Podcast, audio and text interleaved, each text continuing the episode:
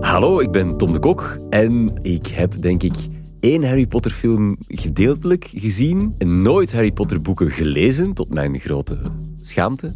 En ik heb dus ook geen enkel idee dat als je, wat er zou gebeuren als je mij een sorting hat zou opsteken, omdat ik ook niet weet wat de mogelijke antwoorden zijn. Maar als er iets geeky is, dan ga ik voor geeky. Dat, dat is wel echt het kamp waar ik mezelf toe reken. Er is wel een geeky kamp. Voilà, dat is dus, al één eh, punt voor Ravenclaw. Geeky it is.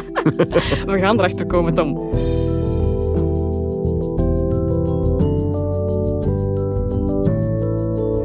Hallo van de radio. Hallo van de radio. Ja, je moet dat luider roepen, Luider? anders werkt dat niet. Oké, ja. opnieuw, opnieuw. Wacht. Eh, zullen we samen? Ja, oké. 3, 2, 1. Hallo van de radio! Jopla, oké, stop Like twiddling. pro. Ja, dankjewel voor de ondersteuning. Stop twiddling those dials. Want in tegenstelling tot de Potterwatch heb je geen wachtwoord nodig om te kunnen luisteren naar The Sorting Hat Revisited. De podcast waarin alles Harry Potter-related op radiofonische wijze wordt omgetoverd tot een human interest podcast met boeiende gasten. En vandaag is dat iemand die mogelijk al heel vaak door je living aan het roepen is geweest van hallo van de radio. Sorry. Ehm, als presentator bij Donna, M&M en Q-Music, als podcast-host van de boekenpodcast Groen Of als voice-over op tv. Dankzij zijn boekenmarathon in 2020 weet ik ook dat hij compleet verslaafd is aan boeken. Dus mocht dat nog niet gebeurd zijn, dan is het nu het moment om Harry Potter onder zijn neus te duwen. Want mijn favoriet ongeleid projectiel van de laatavondradio zit in de Sorting Hat Revisited vandaag. Tom de Kok.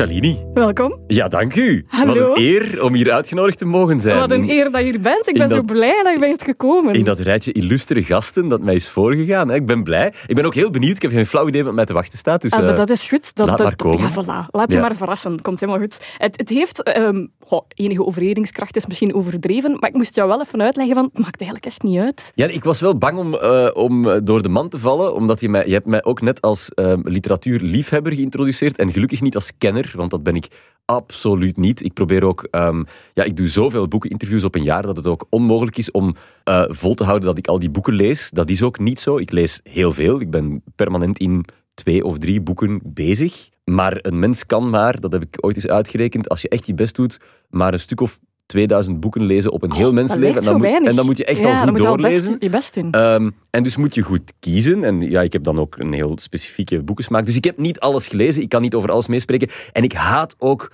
blasé gedoe over boeken. Dus mensen die Ja, zo ja, doen ja, ja. alsof ze er alles over weten. En dan vinden dat je je mond moet houden als je niet al het werk van eh, Murakami gelezen ja, hebt. maar En dan- daar doen we sowieso niet aan mee. ja, ik probeer ook programma, boekenprogramma's te maken die voor iedereen zijn. Dus enfin, eh, maar er zit toch altijd dat tikkeltje angst van oh, ze nodigen mij uit voor een podcast over Harry Ja. Potter en ik ken daar niks van, zou ik het wel doen? En dan komt daar ook nog eens bij dat ik echt een gruwelijke agenda heb. Maar echt Ja, dat, dat, zal inderdaad niet helpen. Dat- maar zo, Dus sorry. Ja, maar de angstzweet was sowieso niet nodig. Ja. Hè, want ehm, ik heb inderdaad gezegd, ja, je moet eigenlijk zelfs, wat, wat heel contradictorisch lijkt in een Harry Potter podcast, maar je moet er zelfs niet heel Mhm. veel van afweten om hier te kunnen zitten.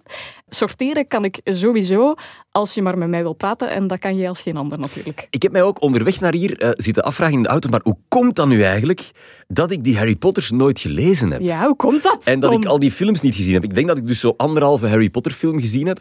Ik denk dat er drie verklaringen zijn. Ik denk ten eerste ben ik net iets te oud. Ja, zo, Harry dat- Potter dat is zo van ja. net na mijn tijd. Zo, het was net niet meer mijn jeugd toen dat echt de hype... Eh, Een ongepaste vraag om te stellen. eh, hoe oud ben jij, Tom? Ik ben nog geen 40. Oké. Nee.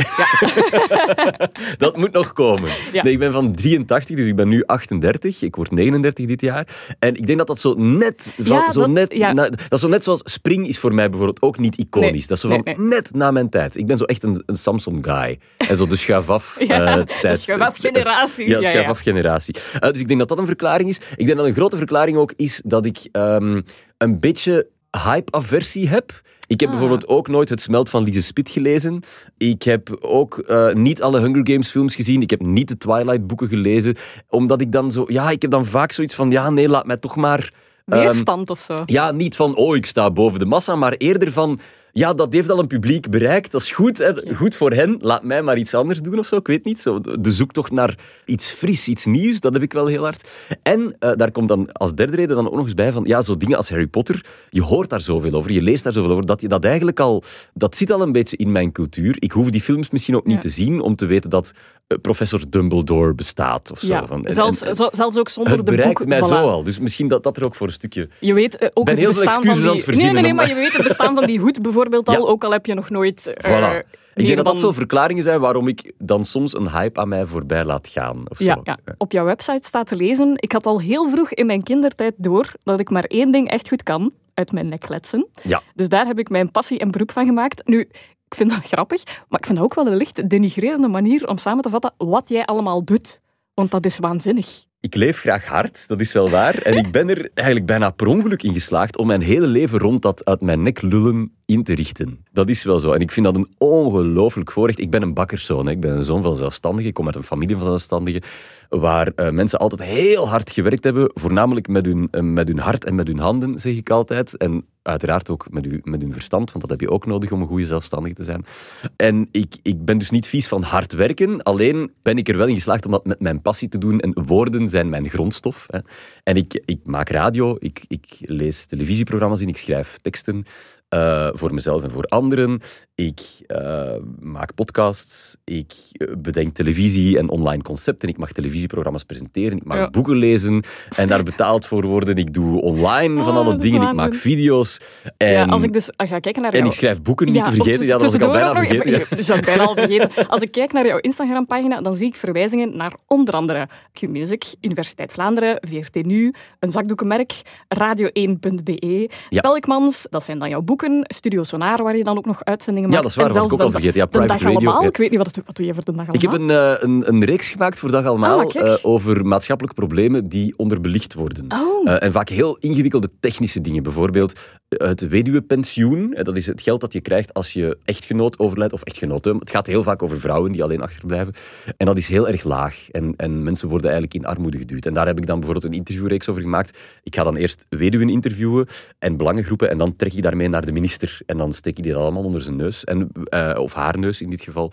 En we hebben daar ook wel een paar veranderingen in gaan kunnen zetten. Dat heb ik voor. Dag Allemaal gedaan. Oh, maar ja, dus, En dat is ook een reeks online video's. En een, Dus dat is ik doe, een- een ik doe dingen ook niet graag half. Dus als, ik iets, als ik ja zeg, dan ben ik er ook wel. Dat probeer ik wel. Te, ik kan mij ook permitteren om dat te doen en om nee te zeggen tegen sommige dingen. Dus ik probeer er echt altijd met mijn volledige hart te zijn. Ja, want eh, ik, ik geef dan echt zo'n racem van verwijzingen die op jouw Instagram staan. En van heel veel verschillende werkgevers. Daar zit dan ook nog eens een partner en een kind tussen ook. Ja, Ehm, twee kinderen eigenlijk. Eh, ja, een pleegkind Ja, ook een nog eens. ook, en, ik dacht dat ik mijn, mijn eigen agenda te volstrekken. Maar what the fuck, man. Het is, dat is wel eh, Ja, en dan, stevig, toch? dan moet ik daar eigenlijk nog bij vertellen, dat, dat is iets wat weinig mensen begrijpen, maar ik heb niet de topjob thuis. Mijn man heeft de topjob.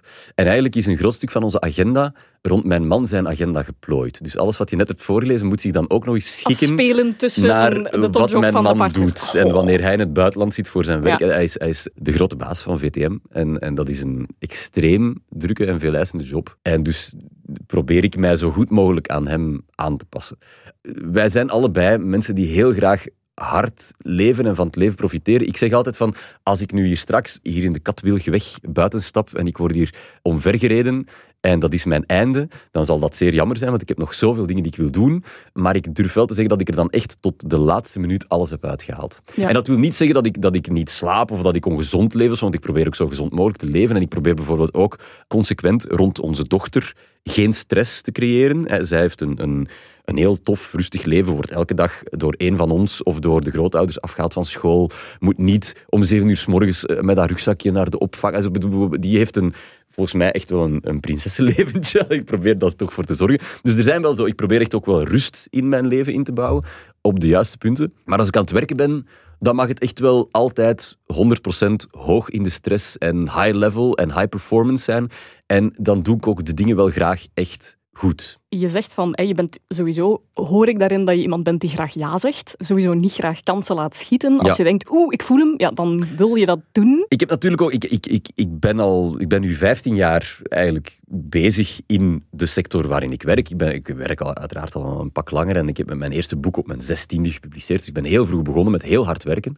Ik heb ook altijd hard gewerkt. Dat wil ik wel, dat, die, die pluim durf ik wel op mijn hoed te steken. Ik heb nooit op een stoel zitten wachten tot iemand mij een radioprogramma gaf. Zo werkt het niet. Zo werkt het trouwens nog altijd niet. Mijn bezorgdheid is nooit work-life balance geweest, maar wel van amuseer ik mij klopt het wat ik aan het doen ben? Gaat het ergens naartoe? En dan, dan heb ik mij ook altijd gesmeten. Ik heb bijvoorbeeld een universitaire studie gecombineerd met fulltime werken. Ik, ik werkte voor, voor Radio Donna terwijl ik studeerde. Ik was samen met mijn man een appartement aan het verbouwen. En ik had samen met mijn beste vriend een grafisch ontwerpbureau dat nog altijd bestaat. Hoe niet? En, en, en ik werkte als journalist voor ATV, ook hier in Antwerpen. Enfin, ja, dus dat, is, dat heb ik allemaal tijdens die studie gedaan. Uh, en ik vond dat prachtig. Ik vond dat ook niet erg om niet op café te kunnen gaan s'avonds, omdat ik nog iets moest afwerken of zo. Uh, dat zijn keuzes die ik gemaakt heb, waar ik tot op vandaag altijd heel blij mee ben. Maar die er, die er uh, nog altijd heel blij mee ben, maar die er wel voor gezorgd hebben dat ik vandaag, 15 jaar later, kan kiezen. En je zei net van, jij zegt graag ja. ja ik zeg tegen heel veel ja. Ik zeg eigenlijk toch Dubbele daarvan tegen nee. best ja. veel dingen nee. Ik heb tegenwoordig ook een manager die dan in mijn plaats nee mag zeggen. Dat helpt wel. Want het is, het is niet altijd makkelijk om nee te zeggen. Zeker niet omdat ik een freelancer ben. Ik ben een zelfstandige. Dus ik, ik, uh, ja, ik heb klanten en ik probeer die zo goed mogelijk te bedienen. En nu gaat dat zeer goed. Maar ik ben er ook van doordrongen dat dat over een jaar weer minder kan gaan en dat ik dan misschien ja moet zeggen tegen dingen waar ik nu nee tegen zeg. Dus ik probeer ook altijd heel respectvol nee te zeggen. Dus dat is dan de, het ondernemerschap dat in Ja. mijn vak zit. Uh, never waste a good opportunity. Dat is wel Ja. echt... Er zijn heel veel dingen die ik doe waarvan ik denk van, ja, waarom zou ik ze niet doen? Geef me eens een reden waarom ik ze niet doe. Uh, of niet zou moeten doen. Dus ik, ik ga wel graag volop alle uitdagingen in het leven aan. En dat gaat over over mijn werk, maar dat gaat ook over we hebben hier nog plaats vrij voor een pleegkind, waarom zouden we dat niet doen? Dat soort dingen. En Ja. en, ja ik, ik vind het ook een beetje je verantwoordelijkheid om alles uit het leven te halen. Mijn zeer dierbare collega Christophe Lambrecht, die op zijn 48, dat is nog maar 10 jaar voor mij, heel plots een einde aan zijn leven zag komen. Dat is voor mij zo een van die momenten geweest waarop ik dacht van hey, fuck, maar dat, dat kan iedereen overkomen. En ik wil in die laatste seconde voor het dan gedaan is, zelfs als dat jong gebeurt, wil ik echt kunnen zeggen van Ik heb mijn best ik gedaan. heb mijn best gedaan. En ik heb niet alleen genomen, maar ik heb ook gegeven. Want dat is ook wel een heel belangrijk deel van het leven dat mijn man en ik proberen te leiden. Wij hebben een luxe leven. Wij zijn zondagskinderen. We hebben heel veel geluk. Wij krijgen heel veel kansen. Wij creëren ook heel veel kansen. Wij nemen die kansen ook. Wij werken ook voor die kansen. Maar wij proberen wel echt heel veel terug te geven. En Ja. dat gaat van geld geven aan goede doelen tot pleegzorg en, en, en mee voor vluchtelingen zorgen. En dat, enfin, ik ben ook naar Calais gereden met een volle auto destijds. Wij proberen echt ook wel niet alleen maar te nemen. Ik hoor daar heel veel verschillende dingen in doen, heel veel verschillende projecten opnemen, verantwoordelijkheid ook opnemen. Ik denk dat het ook helpt om, zoals in jouw geval echt zeker het geval is, om in zoveel dingen oprecht geïnteresseerd te zijn. Als ik kijk naar jouw Twitter-handle, die is ook heel veelzeggend, denk ik, constant verbaasd, geïnteresseerd in letterlijk alles, liefst luid, uitvoerig en nationaal en met veel woorden. Ja, dan kom je opnieuw met die liefde voor taal, maar vooral ook bij niet alleen woorden zijn jouw grondstof, maar ook nieuwsgierigheid, denk Ja. ik dan. Dat is een heel mooi compliment. Dankjewel. Ik word hier zo'n beetje rood, want het gaat ook heel hard over mij en dat ben ik ook niet gewoon. Ehm, ik ben opgegroeid in een bakkerij. En mijn moeder die heeft sinds haar, eh, van, vanaf haar veertiende op dezelfde tegel aan min of meer dezelfde klanten 40 jaar lang hetzelfde brood staan verkopen. Enfin, elke dag vers, hè, voor, de, voor de duidelijkheid. 40 jaar later, hier is dan deze homp versleten schimmel. Ehm, en er is bij mij met de paplepel ingegeven dat of hier nu een zakenman met zijn Tesla stopt, of er komt hier een bedelaar die net in zijn broek gekakt heeft, en ja, dat is echt gebeurd, een brood kopen. Die mensen zijn allemaal hetzelfde en die hebben allemaal een verhaal. En elk verhaal is de moeite waard. Mijn moeder was het archetype van de sociale hub die een kleine zelfstandige kan zijn. Het wordt vandaag steeds moeilijker om dat te doen. Ik heb dat daar geleerd. En ik probeer dat nog elke dag op de radio door te trekken. En ik huiver altijd een klein beetje als ik collega's dan bijvoorbeeld dingen hoor zeggen als ja, maar ja, ik kan nu toch geen interview doen met iemand over ruimtevaart. Ik weet daar niks over. Dat interesseert mij niet. Ja, ik ben nu toevallig zeer geïnteresseerd in ruimtevaart, maar stel nu dat ik een coureur... Als ik nu morgen Wout van Aert moet interviewen, dus er zijn maar weinig dingen die mij minder, interesseren dan de koers. Maar de drijfveren van zo'n Wout van Aert en de, de, de emoties die zo'n mens voelt en de doelen die hij heeft, de offers die hij moet maken, de vriendschapsbanden die hij heeft, de opvattingen over het leven die hij heeft, eh, de weg die hij heeft afgelegd. Dat is allemaal zo waanzinnig boeiend. En dan doet dat wielrennen er eigenlijk niet toe, want dat is maar, dat is maar het vehikel dat er hier gebruikt wordt. En zo heeft iedereen een verhaal. Je kan bij elk huis in Vlaanderen aanbellen en daar heartbreaking of hilarische interviews opnemen. Dat kan met iedereen. Je moet alleen luisteren. Wat ik opvallend vind, je zegt, hè, jouw moeder die stond 40 jaar op dezelfde tegel. Mhm. Uh, ik hoor daar denk ik ook een zekere bewondering in. Een absolute adoratie. Mijn moeder is ja, ik kan, ik, we kunnen een uur over mijn moeder praten. Ja. ja. want zij is bijvoorbeeld ook, uh, om, om maar één voorbeeld te geven, zij is dus op haar 58 moeten stoppen met die bakkerij. De enige job die ze ooit in haar leven gedaan heeft, omdat mijn vader uh, zijn rug te slecht was om nog brood te bakken. Ze hebben hun bakkerij voor een habbekrats verkocht, daar hun broek aan gescheurd. Eigenlijk plots zitten die dan thuis. En mijn moeder op haar 58, geen diploma, op haar cv alleen maar, ik heb in een bakkerij gewerkt. Drie weken heeft hij zonder werk gezeten. Drie weken. En nu vult hij rekken in een supermarkt. En verdient hij een schijntje van wat ik met mijn geleuter op de radio verdien. Maar ik ben zo eindeloos trots op de werklust en de levenslust van wat die allemaal meegemaakt hebben in die bakkerij, ook die mensen. En er, er behoeft dus niemand tegen mij te komen vertellen dat er geen werk is voor 50-plussers. En dat het allemaal moeilijk is. En dat het, ik bedoel, mijn moeder bewijst elke dag dat wie poten aan zijn lijf heeft. Ja. En wie wil en wie niet te trots is, dat er daar werk voor is. En dat er daar ook een goed leven mee geleid kan worden. Mijn ouders hebben twee kinderen naar de universiteit gestuurd. Door elke dag brood van 2 euro en 10 cent tegenwoordig te verkopen. Ja, mensen, mensen ook van alle allooi. Hè? Want er is ook een, een, eh, een quote, ik geloof dat die van Sirius Zwarts is in een van de boeken. Aha. Waarin dat hij zegt iets in de trant van, je weet, of je kan heel veel afleiden aan mensen. Niet hoe ze hun superieuren behandelen, maar de mensen die tussen aanhalingstekens, Ja. hè, onder hen staan. Hoe ze mensen eh, die bijvoorbeeld ook ten dienste van jou staan, hoe ze die gedragen. Ja. Zoveel zeggend over hoe een mens in elkaar zit. Ja, daar heb ik een traject in afgelegd. Ja? Oké, vertel. Ja, ja ik, ik denk wel dat ex-collega's die, hier, die naar deze podcast zullen luisteren, zullen nu denken, haha Tom, daar heb jij wel veel in moeten bijleren. Ik ben wel een tijdje, ik ben, al, dit alles neemt niet weg, want we, hebben hier, we doen hier bijna een heiligverklaring van mezelf. Maar, Nu ehm, van de mama vooral. ja, hè? van mijn mama. Ja, dat is terecht. Ehm, maar ehm, ik heb een, tot nu toe al een mooie loopbaan. Ik, ik noem dat niet, niet graag carrière. Dat klinkt ook zo blasé, want ik vind dan bijvoorbeeld de carrière van mijn moeder minstens even indrukwekkend als mijn carrière. Eh, maar in de media wordt dat nogal snel Mhm. en wordt dat groot en wordt dat belangrijk. En wordt dat... Maar ik heb natuurlijk wel een tijdje... Ik ben heel ambitieus geweest. Eh, Altijd al. Ik ben op mijn zestiende begonnen met schrijven en mijn grote droom was rijk en beroemd worden. Beroemd ben ik al een klein beetje, maar dat rijk, daarvoor moet ik nog eh, bij televisie terechtkomen, denk ik. Maar dus ik, ik, ik had wel een zekere sturm und drang toen ik dan Ja. per toeval bij Radio Donna terechtkwam en dan later bij M&M. En ik ben altijd heel hard gegaan en ik veronderstelde dat de mensen met wie ik samenwerkte, dat gaat dan over producers, redacteurs, eh, researchers, eh, technici, dat die daar allemaal met dezelfde, precies dezelfde intentie stonden. Maar dat is niet waar. Iedereen Mhm. heeft zijn eigen intentie en alle ambities zijn anders en de ene ambitie is niet minder waard dan de andere. En ik ben daar soms wel heel ver in gegaan. Ik heb soms wel, ja, je werkt als radiopresentator, ben je ook altijd hoofd van een ploeg die achter je staat. Een kleine ploeg, maar er is wel een ploeg. En op een gegeven moment is het echt gebeurd bij M&M na een ehm, na Marathon Radio, wat een, een project is waarbij Peter van de Veire en ik zelf ombeurten 24 uur radio maakten. Een, een goede, een kleine maand aan een stuk. Wat voor ons zeer uitputtend was, maar wellicht nog uitputtender voor de ploeg die daarachter zat, achter de schermen. En op een gegeven moment heeft die ploeg gezegd, wij willen dit nooit meer doen met Tom de Kok. En dan heeft een producer mij apart genomen en die heeft mij dat verteld. En dat is een gesprek dat ik nooit meer zal Ja. vergeten. En waaraan lag dat dan? Omdat ik een geweldig hangry eh, mens ben. Omdat ik eh, standaarden zeer hoog leg, maar als ik moe ben, eh, of als ik, als ik Ja, paniek waarschijnlijk ben of hoge bang ben, eisen voor te jezelf en die ook. En ik ben zeer veel eisend voor mezelf. En dat vind ik op zich wel een kwaliteit. Ja, maar, dat projecteren op anderen is ik misschien kende daar zo. geen grens in. Ja. En ik heb daar serieus in moeten bijleren en kalmeren. Ik ben daar heel diep door het stof moeten gaan, maar ook willen gaan. En ik hoop dat ik vandaag kan zeggen dat ik, dat ik het met de meeste van die mensen goed gemaakt heb. Maar ik was op een gegeven moment wel geen fijne collega en geen, geen aangename leidinggevende of geen aangename presentator om ja, mensen steken hun ziel in een radioprogramma en jij kopt het binnen hè, als presentator. Jij bent het uithangbord, jij gaat met het applaus lopen. Je gaat ook wel vaak met de kritiek lopen, dat is ook wel zo. Je, je vangt ook wel veel wind.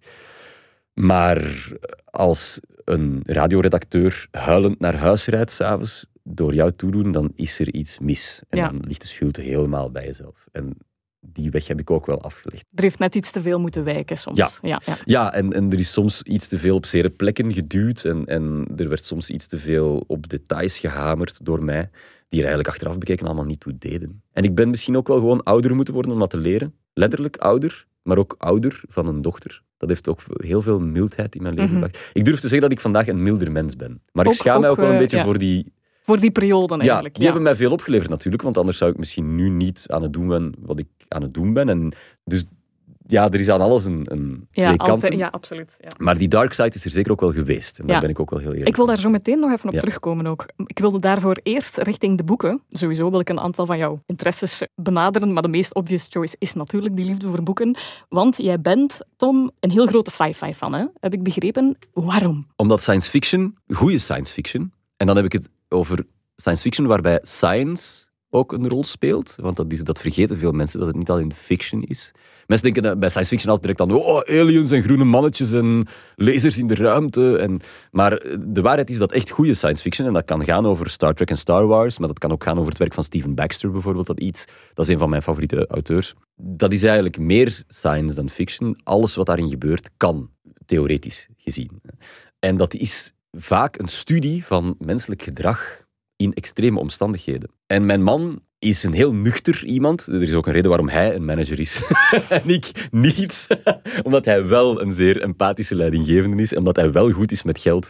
En omdat hij wel eh, rustig blijft in, eh, in omstandigheden van stress. Eh, mijn man is een heel nuchter iemand en heeft die ehm, fascinatie voor science fiction van mij nooit begrepen. Tot corona er was. En dan zei hij plots van, aha, ik zie nu waarom wij altijd een strategische voorraad water en voedsel in blik in onze kelder hebben zitten.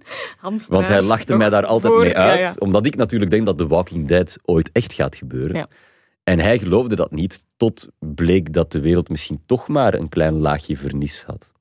Een van mijn favoriete boeken, als je wil beginnen in de science fiction, in de harde science fiction, dan moet je ehm, van Stephen Baxter Flood and Ark lezen. Dat is een tweeluik. Eh, dat is science fiction, but not as you know it. Dat gaat over een moeder, een Amerikaanse moeder, die met haar twee kinderen op de eerste bladzijde van het boek naar de mall, naar de shopping mall rijdt. En het begint te regenen. En op het moment dat ze de auto parkeren, regent het al stevig. En tegen dat ze binnen zijn in de mall, zijn ze drijfnat. Ze gaan shoppen, ze komen buiten. En dan staan er al serieuze plassen op de parking. Ze rijden naar huis en tegen dat ze thuis zijn, staat, staan de straten onder water. En dat hele boek lang, 400 bladzijden lang, blijft het regenen. Daar is een hele ingewikkelde technische uitleg voor nodig, want er is natuurlijk niet zomaar genoeg water op aarde om dat te laten gebeuren. Maar het zou theoretisch kunnen. Het blijft regenen. En ik spoil nu niet als ik zeg dat op het einde van het boek verdwijnt Mount Everest onder water. Dat is een kleine spoiler, maar dat, dat bederft je pret niet van het lezen. Want de vraag is natuurlijk, wat doen mensen dan? Wat gebeurt er met ons, met de mensheid, als er zoiets gebeurt? En natuurlijk is dat water een metafoor voor de nazi's die binnenvallen. Of net zoals bijvoorbeeld mijn, een van mijn favoriete boeken is World War Z van Max Brooks. Het boek is eigenlijk een, een reeks ooggetuigenverslagen van een wereldoorlog tegen de zombies. Maar als je het woord zombie door nazi vervangt, heb je eigenlijk een verhaal over er de? Tweede Ja. Wereldoorlog. Of als je het door Poetin zou vervangen. Wat, wat je eigenlijk aanspreekt, is niet noodzakelijk het, het sci-fi gehalte Nee. zelfs, maar de levensvragen die opgeworpen worden, of de, het gedachte-experiment dat je opgooit met zo'n verhalen. Eigenlijk doet goede science fiction een beetje wat religie in de middeleeuwen deed. Namelijk onderzoeken van wie zijn wij, wat Ja. doen wij hier? Want wij doen heel de wij doen nu alsof wij in, wij zitten in een radiostudio en wij spelen podcastje. maar wat blijft er van ons over als hier straks de stroom uitvalt Ja. en er eh, niemand nog één fuck om podcasts geeft en wij moeten nadenken over waar gaan we water halen en eten voor de kinderen? En wat blijft er dan van jou als mens en als persoon nog over? En het mooie is, ik dacht altijd, eh, omdat ik natuurlijk gepokt en gemazeld ben door zombie-fictie te lezen en door science fiction waarin... je dacht, eh, ik ben voorbereid. Ja, ik dacht altijd van, ja, wat er gaat gebeuren, heel simpel. Beschaving is een dun laagje vernis. En het moment dat er een pandemie uitbreekt, dan gaan we allemaal de mediamarkt plunderen en we slaan elkaar de kop in voor de laatste flatscreen tv. Want zo zitten mensen in elkaar. Dat is ook wat je altijd in films ziet en wat je in heel veel van die science fiction boeken leest. Wat hebben wij in werkelijkheid gedaan? Elke avond om acht uur uit ons raam geapplaudisseerd voor de zorg eh, stoeptekeningen gemaakt en een virtuele ronde van Vlaanderen georganiseerd. Er zijn natuurlijk ook wel... Dat is wat wij gedaan We hebben ook wc-rollen gehamsterd. Hè? Ja, Dat ik was ook- een van die mensen trouwens die, eh, die gehamsterd heeft. Maar ja, omdat je moet wel voorbereid zijn. Ja. Maar ehm, ik ben niet, niet Ben echt je aangenaam ver- verrast maar- door de mensheid toen? Maar absoluut. Ja. Absoluut. Want dat is, daar zat ik fout. Ik dacht, dat is trouwens ook iets waar de science fiction zich over aan het beraden is. Van de science fiction community dacht, ging er altijd vanuit van het dunne laagje vernis van de mensheid. En het is rap weg, hè. Maar we hebben wel voor elkaar gezorgd. Wij zijn hier... Wat iedereen vergeet is, wij zijn door deze fucking crisis gekomen. Als dit gebeurd was in de 19e eeuw, dan waren er... Ja, het is trouwens gebeurd, hè. Ja, ja, aan het begin pest, van de 20e pest en, eeuw. eh, er zijn wel wat Eh, en de, de pandemietjes. Spaanse griep. da- griep, er, zouden, er zouden nog veel meer doden gevallen zijn. Er zouden waarschijnlijk oorlogen uitgebroken zijn. Nu, we zitten in een moeilijk tijdsgevricht, want over 100 jaar gaan we misschien zien dat nu bijvoorbeeld de, de oorlog tussen Oekraïne en Rusland wel iets te maken had met het feit dat het Westen een beetje verzwakt is door... Enfin, het zou kunnen dat, dat er hier dingen in elkaar aan het klikken zijn die nog ergens naartoe gaan. Maar wat wij vergeten... Ik, ik begrijp niet dat mensen blijven roepen op Twitter en in andere donkere gaten van het internet van eh, en onze regering moet buiten gegooid worden. Ze moesten al die virologen opknopen aan een hoge boom. En wie fucking nailed it? Was het pijnlijk? Ja. Maar ga eens met je grootouders praten over wat zij allemaal hebben meegemaakt. Ik bedoel, wij zijn gewoon fucking zeurende millennials en Generation Z'ers die boos worden als Netflix eh even blijft Ja, de- steken op de 99 vergelijking- Ja, de vergelijking tussen inderdaad wc-rollen hamsteren en daadwerkelijk oorlog en miserie gaat niet bepaald op, natuurlijk. Wij, wij moeten gewoon ten eerste flinker zijn, maar echt een flink pak flinker zijn. En niet over elk detail eindeloos zeuren. We moeten ons beter informeren en ons niet de hele tijd als idioten aan fake news laten vangen. Laat ons daar nu toch eens mee stoppen.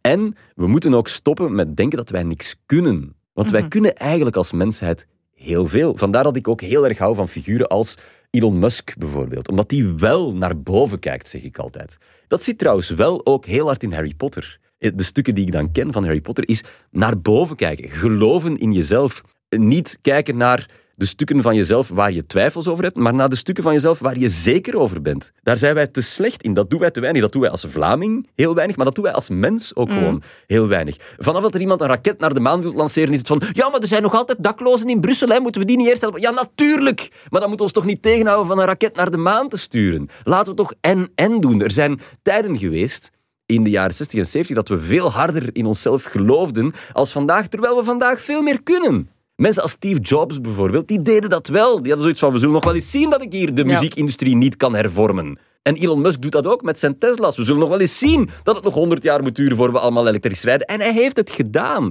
Maar wat doen wij? Allerlei theorieën verzinnen over hoe Elon Musk de wereld gaat eh, om zeep helpen. Heel jaloers zijn op al zijn geld en zeggen dat hij het verkeerd besteedt. En vooral vinden dat alles wat hij niet doet heel slecht is. Terwijl, laat ons nu toch eens eerlijk zijn. Kom aan, die man is eigenhandig de wereld aan het verbeteren. Doet hij aan de Roet dingen die misschien wat raar zijn? Absoluut. Doe jij die nooit? Ik, ik wel, alleszins. Ik kan er van mezelf wel een paar opzommen. Maar wij zijn zo... Ja, dan, dan komen we bij wat je daar straks ook zei, wat ook in Harry Potter zit, over dat naar beneden en naar boven stampen, want we doen allebei heel graag. Terwijl, als we dat nu eens niet meer zouden doen, en als we nu misschien eens wat ons meer zouden verenigen achter onze sterktes, dan zouden we om te beginnen misschien iets minder oorlog en, en conflict hebben. Dan zou het kapitool in eh, de VS niet bestormd zijn.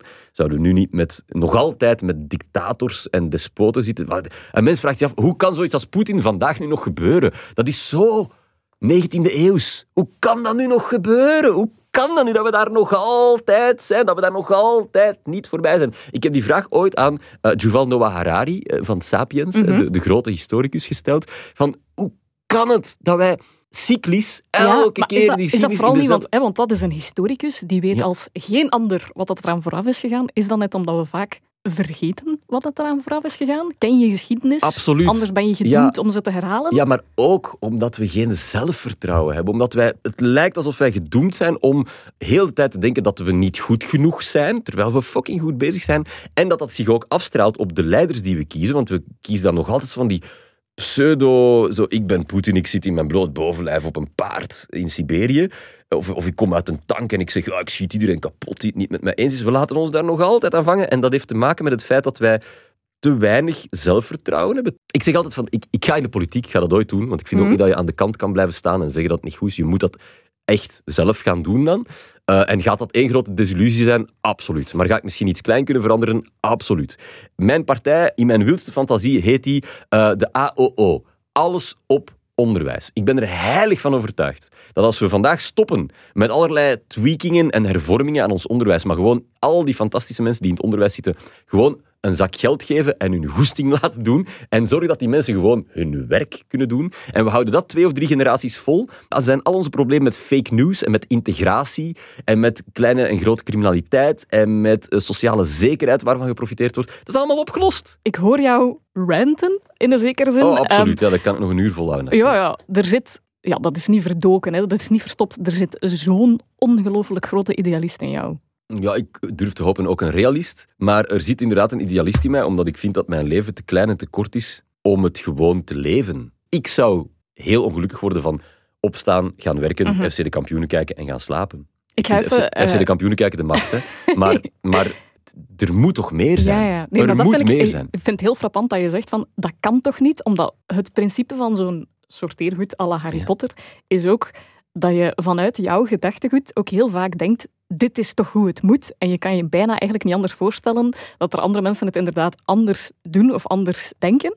En dat gedachtegoed van ik moet uit mijn bed komen en ik moet iets doen dat naar jouw gevoel zinvol is, dat hopelijk een steentje verlegt in een rivier en al is het maar zo klein dat je een impact mhm. hebt gemaakt op een of andere manier, dat is een heel erg Gryffindor manier van, van denken. Oké. Heel erg Gryffindor in die zin van... Ik ga dat als een compliment opnemen. Ja, ja dat is een compliment. Ja, ja absoluut.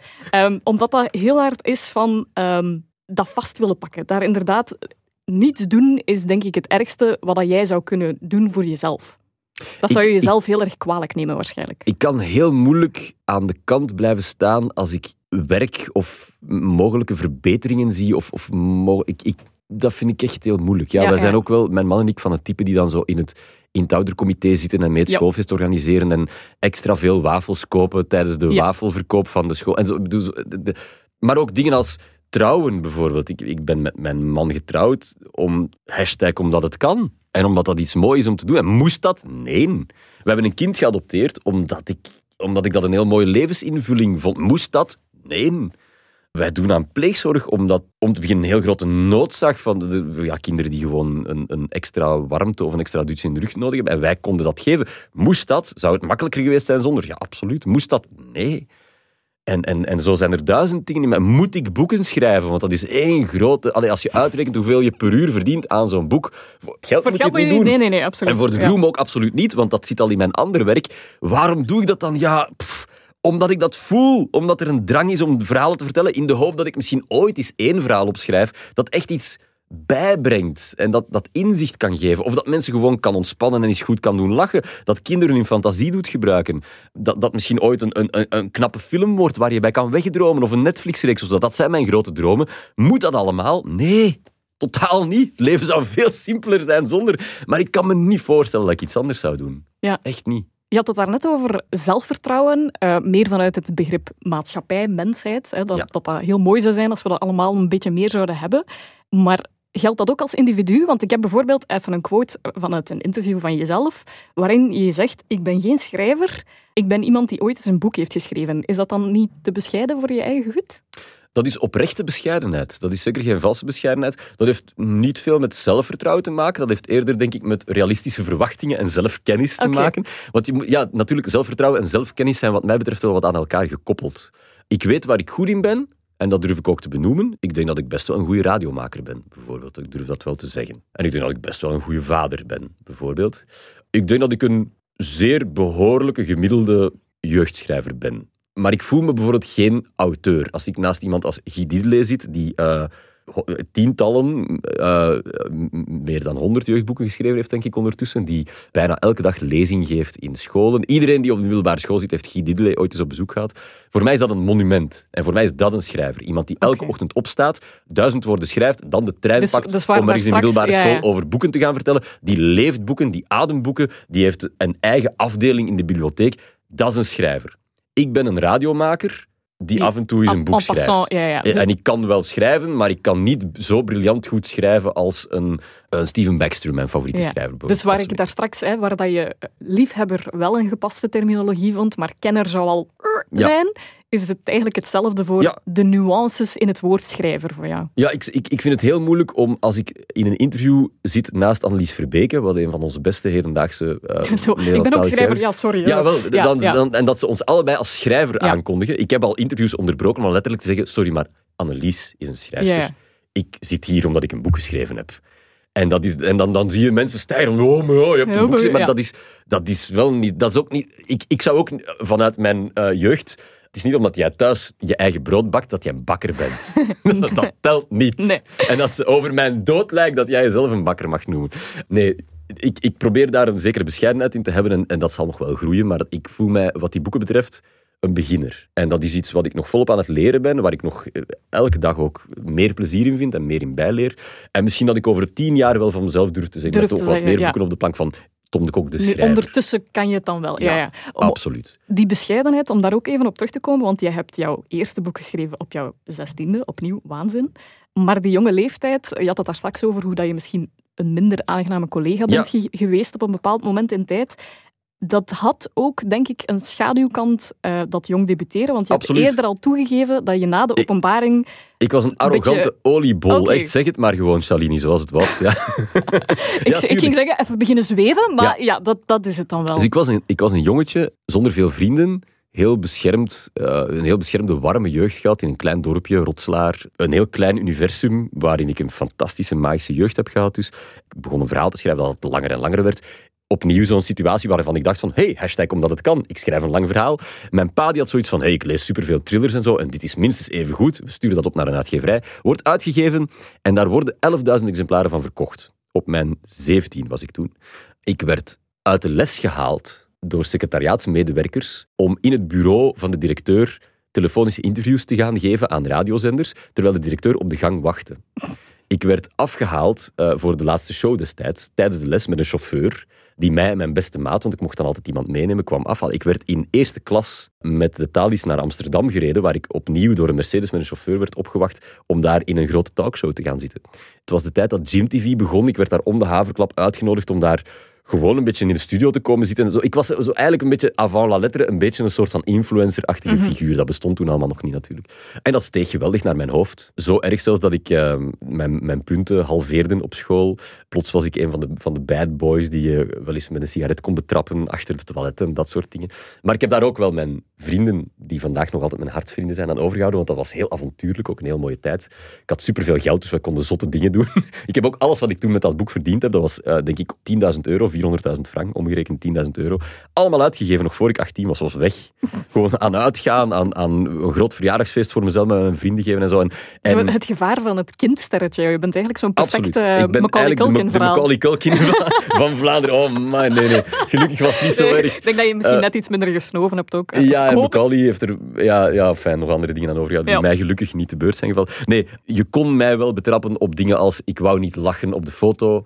Ik zei, ik word rijk en beroemd. Ik zat naast Pieter Aspe in een talkshow en ik beweerde dat ik een groter schrijver ging worden dan hij. Waarop Pieter Aspe zei, dan moet je misschien eens beginnen met duizend woorden per dag te schrijven. Waarop ik dacht, lul, ouwe zak. Terwijl Pieter Aspe Zaliger, eh, God hebben zijn ziel, had natuurlijk gewoon totaal gelijk. Hij heeft ook gelijk gekregen, want ik heb twintig jaar lang geen enkel boek meer geschreven. Ik ben toen ehm, na het middelbaar een paar maanden film gaan studeren, maar ik had toen beslist van, wow, nee, nee, ik word wel gewoon schrijver en dat, daar ga ik rijk en beroemd mee worden. Dus ik heb dan eh, de rest van het schooljaar op kosten van mijn ouders geleefd. Die arme mensen geloofden ook dat ik een rijke schrijver ging worden. Die dachten, we beleggen in onze zoon, dan komt het altijd goed. En, eh, en ik heb toen ook bij mijn, bij mijn oom, die een, eh, een Opel garage had toen, een hele dure sportauto besteld. Eh, waarvan ik achteraf te weten ben gekomen dus dat, ik, dat mijn vader dat contract heeft laten annuleren achter mijn rug. Want dat was, zou mij echt zuur opgebroken zijn als ik dat... Dus ja, heel veel fouten al heel vroeg gemaakt. En ze dan later nog eens dunnetjes overgedaan. En ik durf nu te zeggen dat, het, dat de arro- die arrogantie is er hopelijk wel uit. Ja, want denk ik, ik, dacht, ik dacht misschien dat het nu misschien bijna een reden is voor overcompensatie zelfs. Dat je nu eigenlijk Ik ben zelfs- waakzaam. waakzaam... En want ik omdat- hoop dat dat ja. ja, omdat, je- omdat ik de indruk heb dat je vooral niet arrogant wil overkomen, vooral niet de indruk wil geven van ik, ik sta echt wel met mijn voetjes op de grond. Dat je echt wel Maar dat wil- is ook hoe ik mij voel.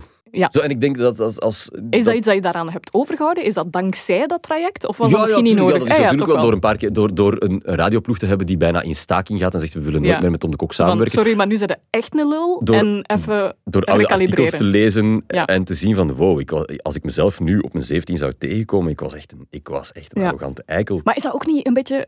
Tenminste, ik zou mijn 16-jarige zelf ook niet willen tegenkomen. Wel nee, hè? dat was ook coming of age allemaal. Wow. En ik vergeef die 17-jarige Ja. Tom ook alles. Maar dat neemt niet weg dat het niet zo mooi was om naar te kijken. Eh, ook al omdat ik geweldig veel puisten had.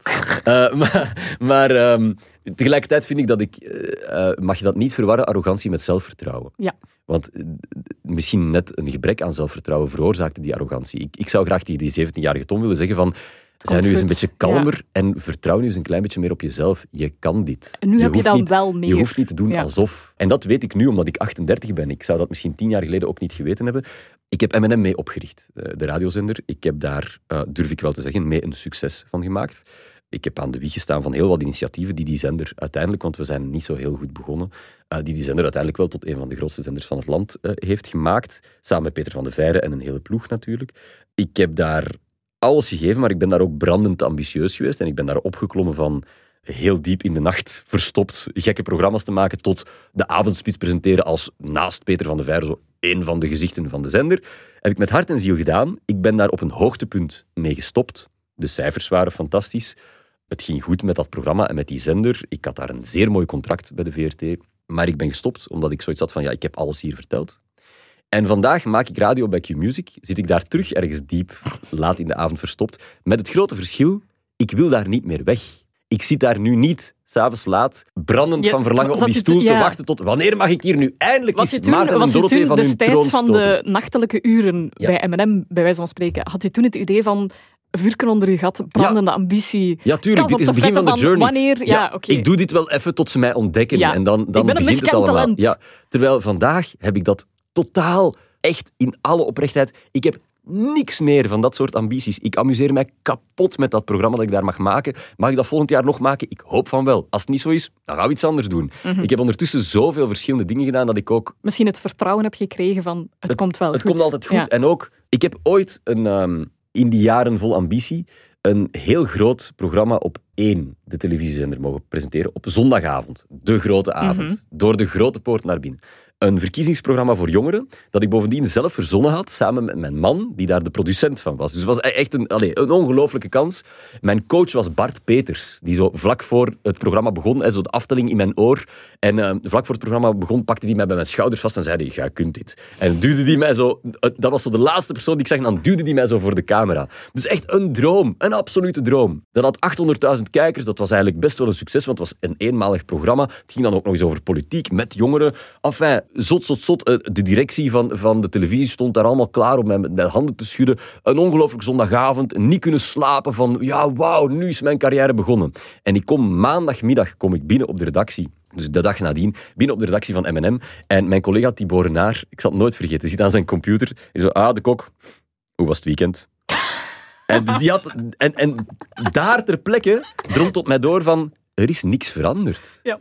Ik dacht dat dit het begin ging zijn van de, van de tweede helft van mijn leven. Maar alles is nog precies hetzelfde als vroeger. En dat was zo'n diepe teleurstelling. En ik heb het niet over dat er de dag daarna niet een talkshow voor mij klaar lag. Ik heb het over het feit van, zelfs als ik vanaf toen een hotshot geweest zou zijn die elke dag op televisie kwam, als ik de nieuwe Matthias Koppes zou geworden zijn, ik bedoel, dat, dat zou niks veranderd hebben. Niks, Omdat niks, dat niks, inherent niks. ook niks verandert aan die zelfzekerheid Nee, bij jou. Hè? Ja. Dat zou helemaal... En ik heb daar echt eigenlijk een les geleerd van... van ik, ik, ik ben een maker. Hè. Ik, ben ook niet, ik probeer niet zomaar een presentator te zijn die dingen van een fiche afleest die andere mensen geschreven hebben. Ik ben in de eerste plaats een verzinner, een bedenker, een maker, een zot ongeleid projectiel, zoals je mij daar straks hebt ingeleid.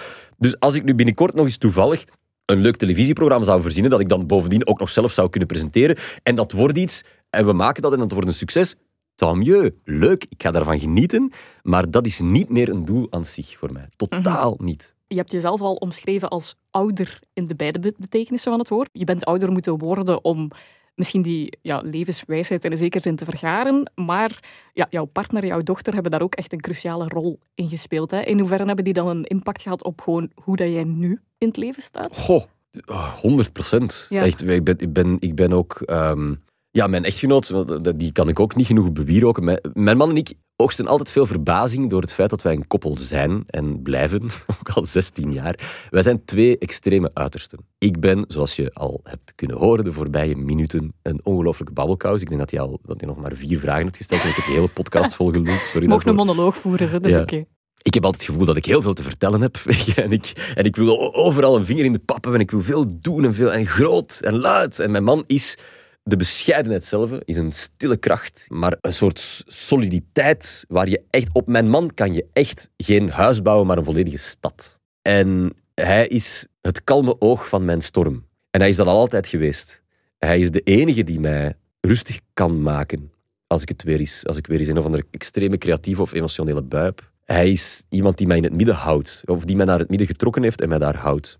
Hij is de reden waarom ik nu, professioneel maar ook privé, gelukkiger ben dan ik ooit voordien in mijn leven geweest ben. Hoewel het, ik heb al blitzer dingen gedaan in mijn carrière dan vandaag, en toch ben ik nog nooit zo gelukkig geweest dan vandaag. Hij is, hij is degene die mij de waarde van dingen heeft doen inzien, waar ik voordien overheen keek.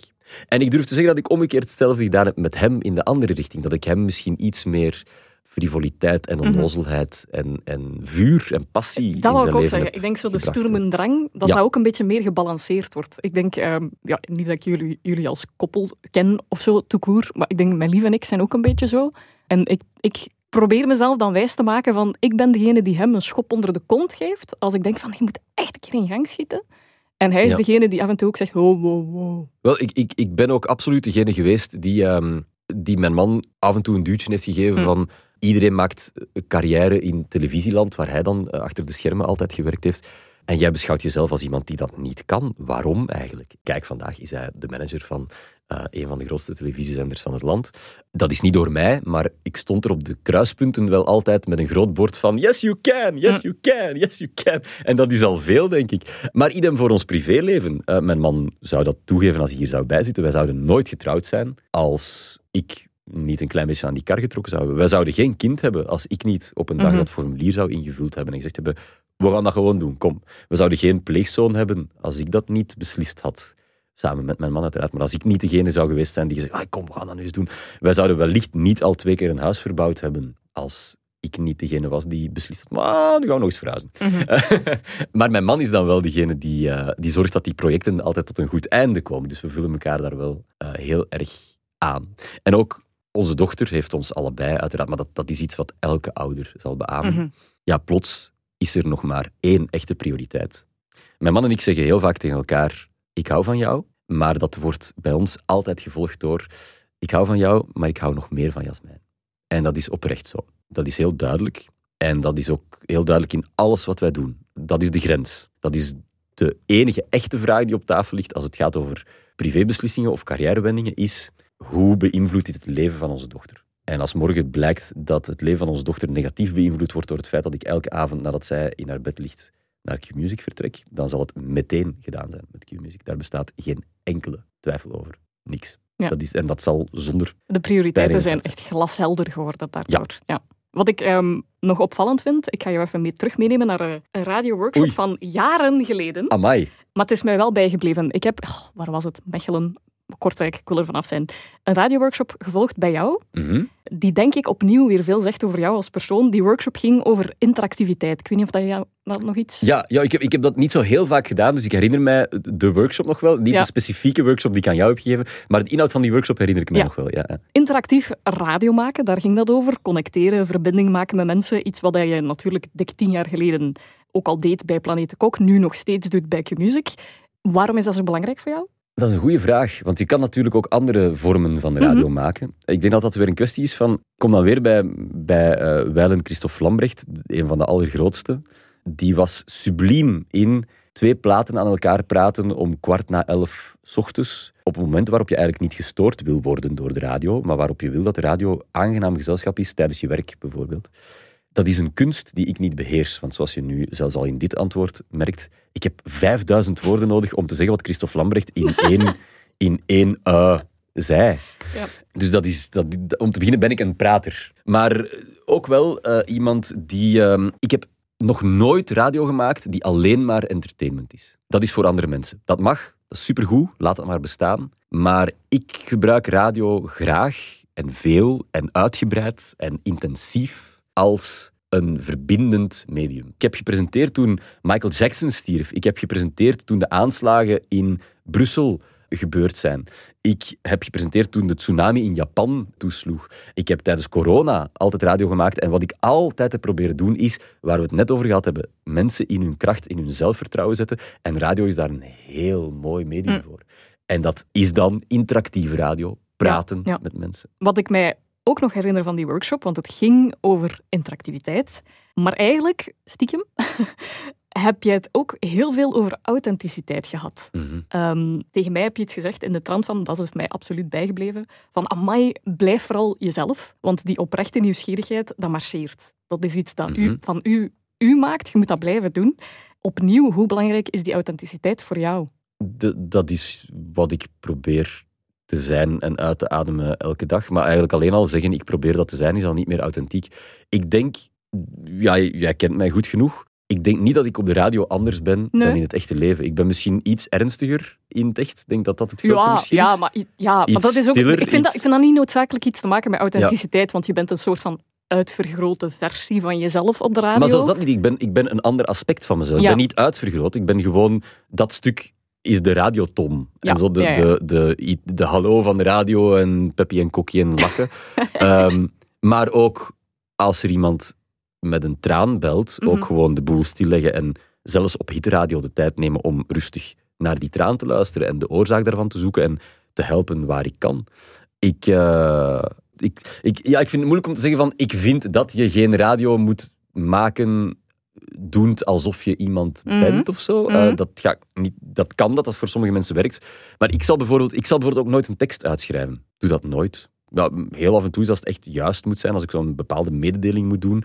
Maar ik schrijf nooit een tekst uit. Om, ik weet zelfs meestal als ik mijn microfoon aanzet nog niet wat ik ga zeggen. Ah, want ik Want- inderdaad... Want, Maar dat weet jij in het echte leven toch ook niet? nee, nee, maar het is wel zo, want ik had het idee, dus je mag mij volledig tegenspreken, want het klopt dus dan niet helemaal. Ik had het idee dat jouw show ook meer zo georchestreerde chaos was. Als Nee. in dat je ook wel weet, maar je weet oprecht gewoon niet waar het gaat eindigen. Het is echt in alle, alle oprechtheid, alles wat je op de radio hoort, tussen tien en middernacht op Q-Music, Hm. is compleet live, ongescript, onbedacht, onvoorbereid, ontstaat on the spot. Het concept van het programma is, voor mensen die er nog nooit naar geluisterd hebben, ik neem om tien uur de eerste telefoon. Er is een 0800-nummer waar je gratis naar kan bellen, waar massaal, maar echt massaal naar gebeld Dat gaat soms over duizenden oproepen op een avond, naar gebeld wordt. En ik duw gewoon op een knop Hallo, en er komt een telefoonlijn en ik zeg welkom bij de club. Met wie? En iedereen die luistert is lid van de club. En die club is ook echt, zit diep in mijn hart. We hebben natuurlijk veel vaste klanten. Hè. Er zijn, eh, dat is zoals een bakkerij ook. Hè. Er zijn mensen die elke dag terugkomen voor dat brood. En waar je op den duur de namen van de kleinkinderen van kent. En dat is eh, ook zo bij Club de Kok. Maar er zijn ook elke dag nieuwe mensen. En ik duik met evenveel enthousiasme in die hun leven. En eh, ik heb bijvoorbeeld ook de regel, ik vraag aan iedereen, hoe is het? En als er niet meteen een volmondige ja komt, dan is er iets mis. En dan beginnen we te graven. En dan vraag ik door tot je mij vertelt wat er aan de hand is. En als, dat kan iets heel geestig zijn. Dat kan zijn, ja, eh, kut huiswerk, wiskunde. Maar dat kan ook zijn, mijn hond is gestorven. En dat was al 15 jaar mijn beste vriend. En dat kan aanleiding geven tot een thema-uitzending van twee uur over waarom huisdieren zo belangrijk zijn in ons leven en waarom ik er geen heb. Er is voor jou denk ik geen andere optie dan gewoon zijn wie je bent. Want je zegt zelf al, hè, jij kent mij goed genoeg, ik ben denk ik niet anders.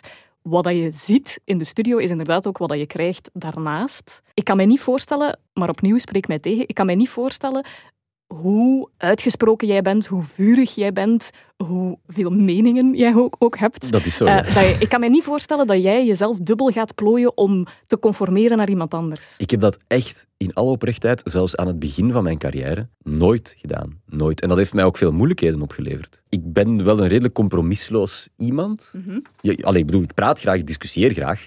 Eh, maar mijn papa vertelt... Ik heb dit van mijn papa. Hè, zo dat, de woordenstroom en het discussiëren, dat is iets wat er bij ons thuis ook heel erg is ingelepeld.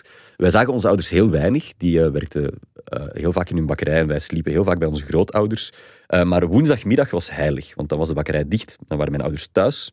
En dan aten wij op zijn Italiaans eigenlijk heel uitgebreid. Zo. Het middageten kon overvloeien in het avondeten. En wat kon beginnen als een eenvoudige hoe is het op school vraag die alle ouders aan hun kinderen stellen, kon echt uitmonden in een eh, hoog oplopende discussie over internationale politiek tussen uh, vooral mijn, mijn vader, mijn zus en ik. Mijn moeder was vaker toeschouwer uh, of, of stond zo af en toe te mopperen in de keuken van moet dat nu zo luid? Um, maar uh, dat is er heel diep ingebakken. Dus je, wij praten graag. Maar wij zijn ook wel mensen die ons ook wel laten, een mening laten uitleggen. En ook totaal bereid zijn om onze fouten toe te geven. Of om een mening te herzien. Of om te evolueren. Of om ik geloof ook niet dat er, dat, er, dat, dat er over alles één juiste mening of waarheid bestaat.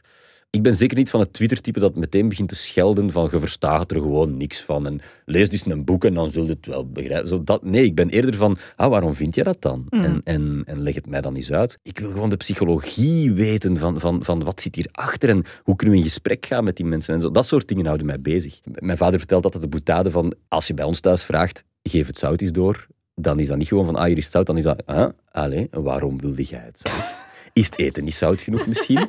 Ja, en ik heb gelezen dat zout niet goed is voor... En dan begint er een gesprek. Ja, dat is zo. En dat is uh, voor het, zowel het lief van mijn zus als voor mijn eigen echtgenoot, die allebei uit gezinnen komen waar dat totaal niet zo was, is dat nog steeds na 15 jaar heel erg wennen. Hm. Maar mijn dochter is wel op de goede weg, die doet al mee. Oké, ja. Ik denk dat je jezelf in een interview ook ooit al omschreven hebt. Je hebt daar straks al zo'n beetje zo het yin en yang gehalte van jouw partner en jou beschreven. Mhm. Dat hij een beetje de ratio is en jij de emotionele trien. Mhm. Dan is het ook dat als er iets op jouw lever ligt, dan moet het er ook uit. Absoluut. Ja. en meteen. En dat is lastig in onze relatie, want mijn man is net het omgekeerde. Mijn man is een, camp, eh, een campenaar, een binnenvetter. En ik kan de keren dat hij echt is uitgevlogen in onze relatie, dat we echt vlammende ruzie hebben gehad, waarbij niet alleen ik boos was, maar ook hij. De ruzie, ruzies waarbij alleen ik boos ben, die zijn er dagelijks. Maar de ruzies waarbij hij echt dan, dan moet het echt al heel ver komen ook. Ik kan dat letterlijk in 15 jaar, als het niet op één hand is, zeker op twee handen tellen. Maar dan is het ook wel zo erg dat ik... Um, ik ben ooit eens op de snelweg op de pechstrook gestopt, omdat ik echt dacht dat hij op mijn gezicht ging timmeren omdat, omdat ik hem zo kwaad had gemaakt. Omdat ik zo het bloed, dagenlang, het bloed van onder zijn nagels had gehaald. Want ik ben verbaal natuurlijk... Ja, je bent verbaal zodanig sterk dat je echt... En ik begin dan verbale atoombommen te gooien. En op een gegeven moment ontploft dat dan natuurlijk. En, uh, en, en vooral duidelijkheid, dat stoppen op de was vooral door mij. Niet door zijn agressie, maar door, door mijn blijven op diezelfde nagel kloppen tot hij... Maar in de hoop om een reactie te krijgen. Ja. Omdat ik natuurlijk uit een gezin kom waarbij de reactie altijd meteen was. En mijn zus en ik, wij kunnen nog altijd, hoewel wij ondertussen dus daar zit, daar zit ook, Ja, daar zit ook een zekere mate van impulsiviteit in misschien. Gewoon echt zo alles eruit smijten en pas daarna denken van, wacht... Ja, er zijn uiteraard altijd wel dingen waar ik spijt van heb. Natuurlijk. Ik ben wel iemand die ook regelmatig zijn excuses moet aanbieden, maar ik doe dat dan ook wel. Ja. Maar ik vind het nog altijd wel waardevol om dan dat gesprek gehad te hebben. Veel meer dan een gesprek niet hebben. Dat zit ook in de programma's Veel liever uh, excuseren achteraf dan wat als. Ja, natuurlijk probeer je niet met de voeten vooruit te tackelen. Maar het kan gebeuren dat je zo'n gesprek over een heikel onderwerp voert, of dat nu over geopolitiek gaat, of over iets superpersoonlijk in je relatie, of iets seksueels, of iets, uh, alle dingen waar mensen over kunnen discussiëren, of over bijvoorbeeld waar wij heel hoog oplopende discussie over hebben in onze familie, is geloof. Ik ben zeer, zeer, zeer anti-gelovig. Ook omdat geloof zeer anti-mij is trouwens. Eh, dat geheel terzijde. Um, maar ik, ik, ik, ik, begrijp het concept geloof niet. Ik, zelfs het begin niet. Ik versta niet waarom we dat nodig hebben, waar dat ooit vandaan gekomen is. Ik zie een betere wereld zonder. En dat wil niet zeggen dat ik alle gelovigen um, wil opsluiten in hun kerk en doen alsof ze niet bestaan. Ik bedoel, ik wil in gesprek gaan. Maar dat ligt heel diep bij mijn hart. En dat gaat soms heel ver, die discussie. Maar voor mij is dat wel nooit ruzie bedoel, een discussie blijft een discussie. Zelfs als het met roepen is en met slaande deuren, is dat nog altijd... Uh, kan, ik kan, maar sommige mensen kunnen dat ook niet. Hè? Sommige, mensen, ja, sommige mensen kunnen niet. Mijn lief en ik, wij discussiëren ook graag. En ik vind dat een max. Ik vind dat heerlijk. Ik vind dat intellectuele uitdaging. Ik vind dat ook... Sparring. Adres, ja. ik vind dat ook adresseren van misschien mijn eigen stomiteiten ook. Hè. Ja, dus, de want je zegt vaak stomme dingen en dan is er iemand die zegt, ja maar wacht. Nu ze de bullshit aan het verkopen. Ik ga je zeggen waarom. En ik vind dat de max. En sommige mensen kijken ernaar en dan denken, maar jullie hebben altijd aan bras. Nee, nee, nee, dat is niet aan In een discussie geldt wat in het leven geldt. It's about the journey. Er is geen eindpunt aan een discussie over of geloof nu van de aardbol moet verdwijnen of niet. Daar is geen einde aan. Het gaat over het uitwisselen van die ideeën en allebei van die tafel terug vertrekken, nog steeds overtuigd van je eigen gelijk, maar misschien een millimeter opgeschoven in een bepaalde richting. Of een inzichtrijk. Alles maar een klein beetje genuanceerder ja. of zo, hè? En dus, en dus moet je ook vijf minuten later perfect over... Zeg, dat is wel het een en het ander met die Ja. Chelsea tegenwoordig. Ja, ja. Moet je perfect kunnen... En ook, en ook de meerwaarde van dat soort gesprekken ook. Ik herinner mij, Alex Agnew is hier ook te gast geweest. Ehm, dat was een opname van 2,5 uur, want ook Alex Agnew heeft veel woorden nodig. Ja, en er zijn er maar weinigen die het kunnen zeggen, maar hij is echt veel erger dan ik. ja, dat is zo. Ik denk dat ik dat mag bevestigen Ja. zonder dat hij kwaad wordt. Ehm, maar die heeft toen ook gezegd van de meerwaarde van je tijd nemen voor een gesprek. Waarom is het zo belangrijk? Waarom wou hij ook die twee uur? Omdat hij zegt, je moet de kans krijgen om terug te komen op je woorden. Je moet kunnen zeggen, ik ben vol overtuigd van dit. En tien minuten later, ja maar wacht. Ik moet daar nog even op terugkomen. Ah ja, maar dat is het gevaar ja. van onze Twitter-kuilen en onze Facebook-echoputten en onze Telegram-groepen waarin je niet meer wordt tegengesproken. Dat is net wat we nodig hebben. We moeten elkaar constant tegenspreken.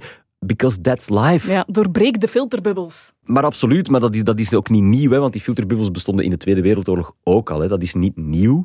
De technologie heeft het alleen zichtbaarder en misschien ook wel iets moeilijker gemaakt. Maar ik ben er heilig van overtuigd dat, dat het voeren van lange, ingewikkelde en daarom niet altijd evenveel steekhoudende bullshit-gesprekken, dat dat onze enige weg vooruit is om te evolueren in deze wereld.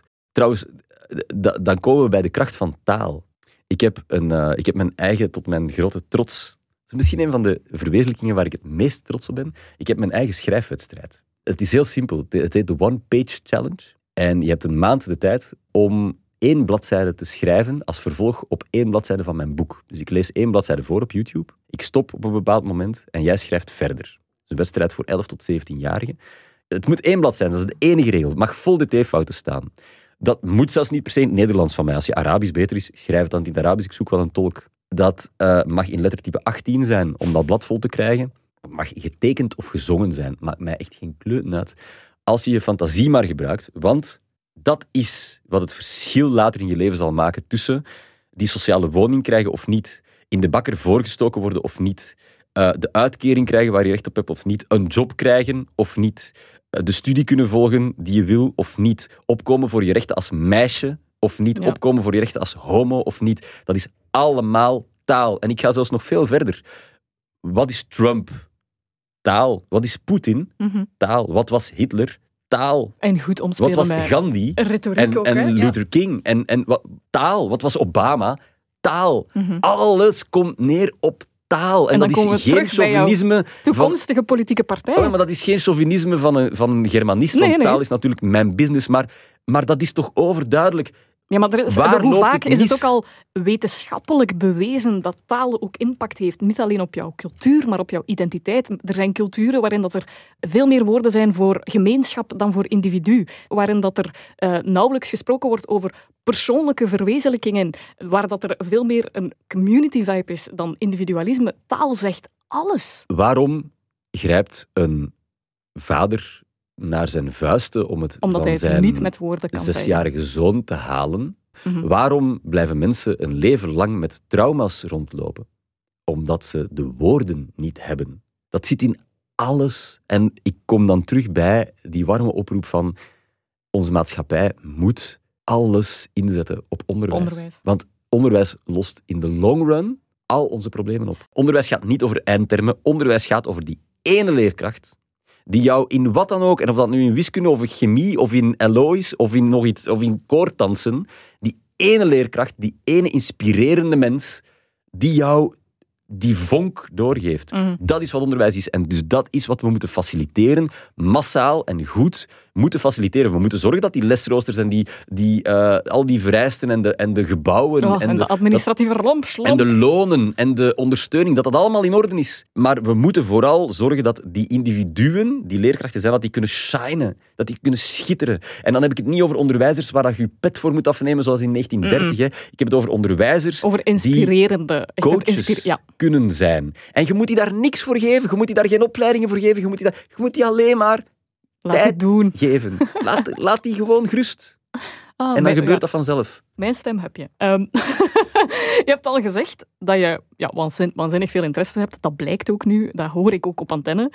Ik denk ook dat jouw oprechte nieuwsgierigheid jou mogelijk tot zo'n goede interviewer maakt ook. Is de radio bij jou ook gewoon een excuus om mensen uit te horen? Absoluut. Oh ja, tuurlijk. Dat is ook waarom ik erna... Ik ben een jaar gestopt met radio maken na mijn carrière bij M&M. En ik ben heel bewust terug aan, aan dat avontuur bij Q-Music begonnen, omdat er toevallig een goed gesprek tussen mezelf en, en de huidige baas van Q-Music was ontstaan, maar daar dan van alles uit voortvloeien.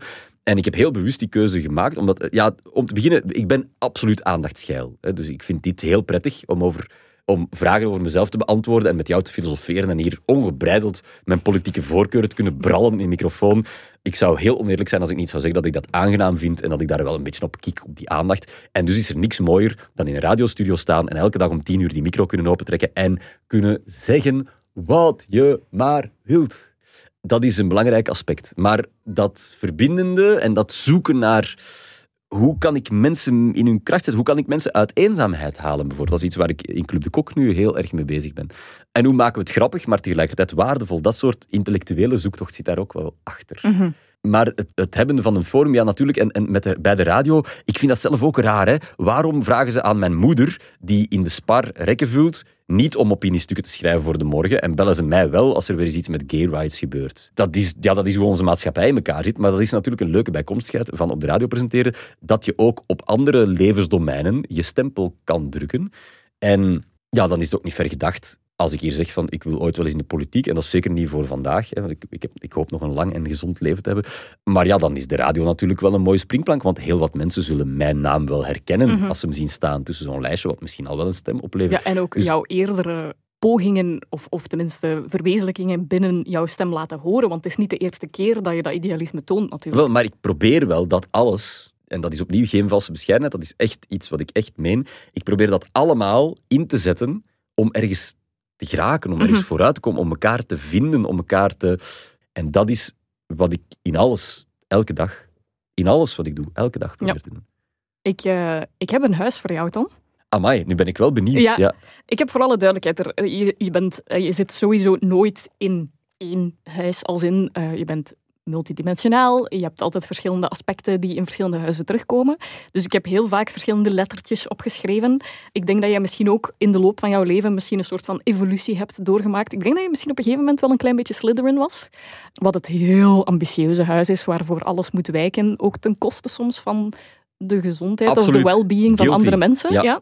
Dus ik denk dat, dat, dat daar zeker een elementje van jou zat. Ik denk wel dat je dat nu niet meer bent. Ik denk niet dat je nu nog binnen die categorie valt. Ik denk dat je daar zelf ook heel blij mee bent dat je daar nu niet meer binnen valt.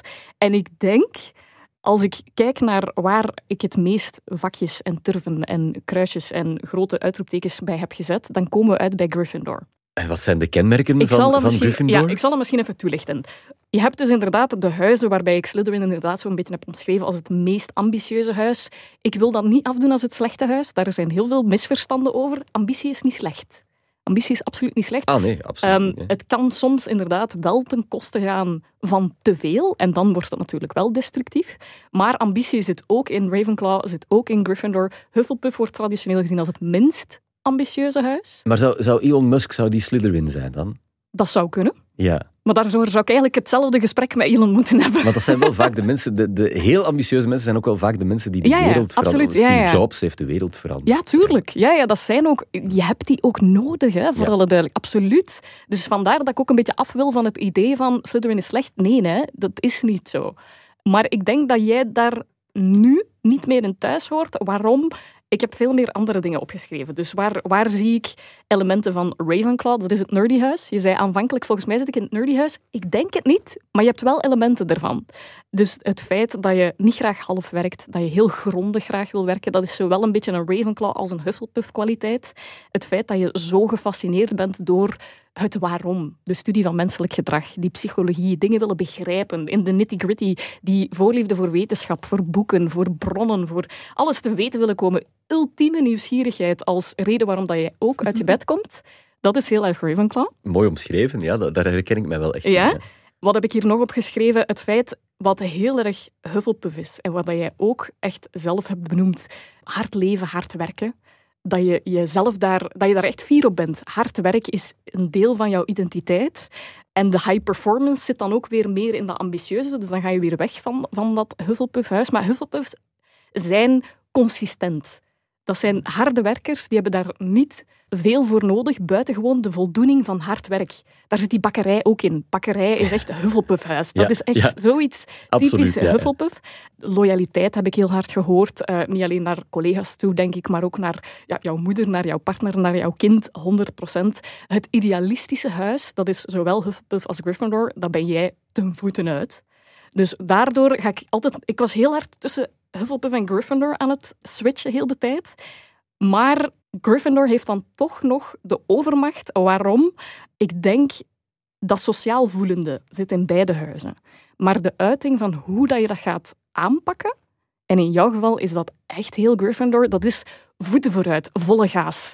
Luid, duidelijk, met alle mogelijke middelen die je hebt. Dat is met Twitter, met opiniestukken, met antenne, met gesprekken, met interactie. Jij bent niet de nuchterste, jij bent emotioneel, maar je gebruikt dat. Je gebruikt jouw woorden, jouw taal. Die aandachtsgeilheid, zoals je het zelf noemt, die ga je inzetten om daar toch iets mee te doen. Om daarmee aan de slag te gaan. Je bent geen zittenblijver. Je gaat niet, in tegenstelling tot je man, die dat daar misschien over gaat nadenken, analyseren, eerst goed gaat kat uit de boom kijken. Jij gaat gewoon eerst paf! En dan zien wat er komt. En dat is met niet al te veel plannen op voorhand en jaren en maanden. En, en. Dat is echt gewoon doen. Je bent een doener, je bent een maker. Je hebt letterlijk gezegd op een gegeven moment, waarom doe ik dit? Omdat ik dat voel. Omdat ik dat voel, het gevoelsmens in jou, het buikgevoel, is zo belangrijk om keuzes te maken hoe jij jouw leven inricht. En dan kom ik uit bij Gryffindor, bij de idealistische protagonist van jouw eigen verhaal, maar idealiter ook dat van andere mensen. Ik heb een heel rare hobby. Ik zit eh, in mijn hoofd vaak speeches te bedenken die ik dan op de begrafenis van goede vrienden zou kunnen geven. En dat is meestal zo een grote bloemlezing over waarom ze zo fantastisch zijn of wat ze allemaal in hun leven verwezenlijkt hebben. Zou jij die vriend voor mij willen zijn op mijn begrafenis? Wat, wat jij net gedaan hebt, Ja. is eigenlijk echt dat. Ja. Ik, eh, dank je wel. Ik, ik vond daar heel veel complimenten in zitten, maar ook een eerlijke strengheid die ik zeer apprecieer, want zo sta ik ook graag in het leven. Maar ik hoop dat ik streng maar rechtvaardig ben, maar niet te... Ik, niet te- vond het, ik herken me er van begin tot einde. En ik vind het misschien een, een iets te positief beeld. Want ik, ik heb ook mijn kleine kant. We hebben het ook over veel dingen niet gehad, natuurlijk. Maar, ehm, maar ik kan er mij alleszins. Ja, weet je, het punt is, ja, we hebben inderdaad, we hebben ook heel veel positieve ding- dingen belicht. We hebben ook wel jouw kleine kantjes benadrukt, denk ik, in een zekere zin. Ik denk ook, elk huis heeft allergieën. Hè? En je hebt zelf al gezegd, aandachtgeil, dat is 100% een ding dat bij Gryffindor hoort. Ehm, daar zit ook, denk ik, een zekere, dat Sturm Drang, wat je zelf genoemd hebt, koppigheid. Absoluut. Dus er, je kan eigenlijk bij dat huis kan je je wel wat negatieve kantjes bedenken ook. Maar ik denk dat dat voor jou wel een hele mooie fit is. Mhm. En dat, waar dat je trots op mag zijn in alle facetten, zowel de goede als eh, de slechte. Ik eh, ben heel blij met de sortering van de, van de hoed. Ik, eh, ik ben benieuwd welke invloed dit op de rest van mijn leven zal, zal hebben. Moet ik iets speciaals doen? Waar moet ik ergens tekenen? Ik, voilà, ik hoor het vooral graag voor dan die begrafenis uiteindelijk. Ja, dan, wel, dan pas ik mijn speech een beetje aan. Consider yourself invited. Ja, ik zet je op de lijst. Dank u, dank u. Oké, dan ga ik het jou heel graag laten zeggen. Jij bent Tom de Kok, je beschouwt jezelf... Ah ja, vanaf nu als Gryffindor. Voilà, super. Klinkt ook goed. Ik ga dat op mijn pas laten drukken. Ja, voilà. Vanaf nu ook mee op jouw ellenlange cv. Ja, Dankjewel, dankjewel. Gezellig, hè? Zo samen in Club de Kok en leden van House Gryffindor hebben die de hele tijd in de common room, zeg. Geniet ervan. Merci voor het luisteren en tot de volgende Mischief Managed.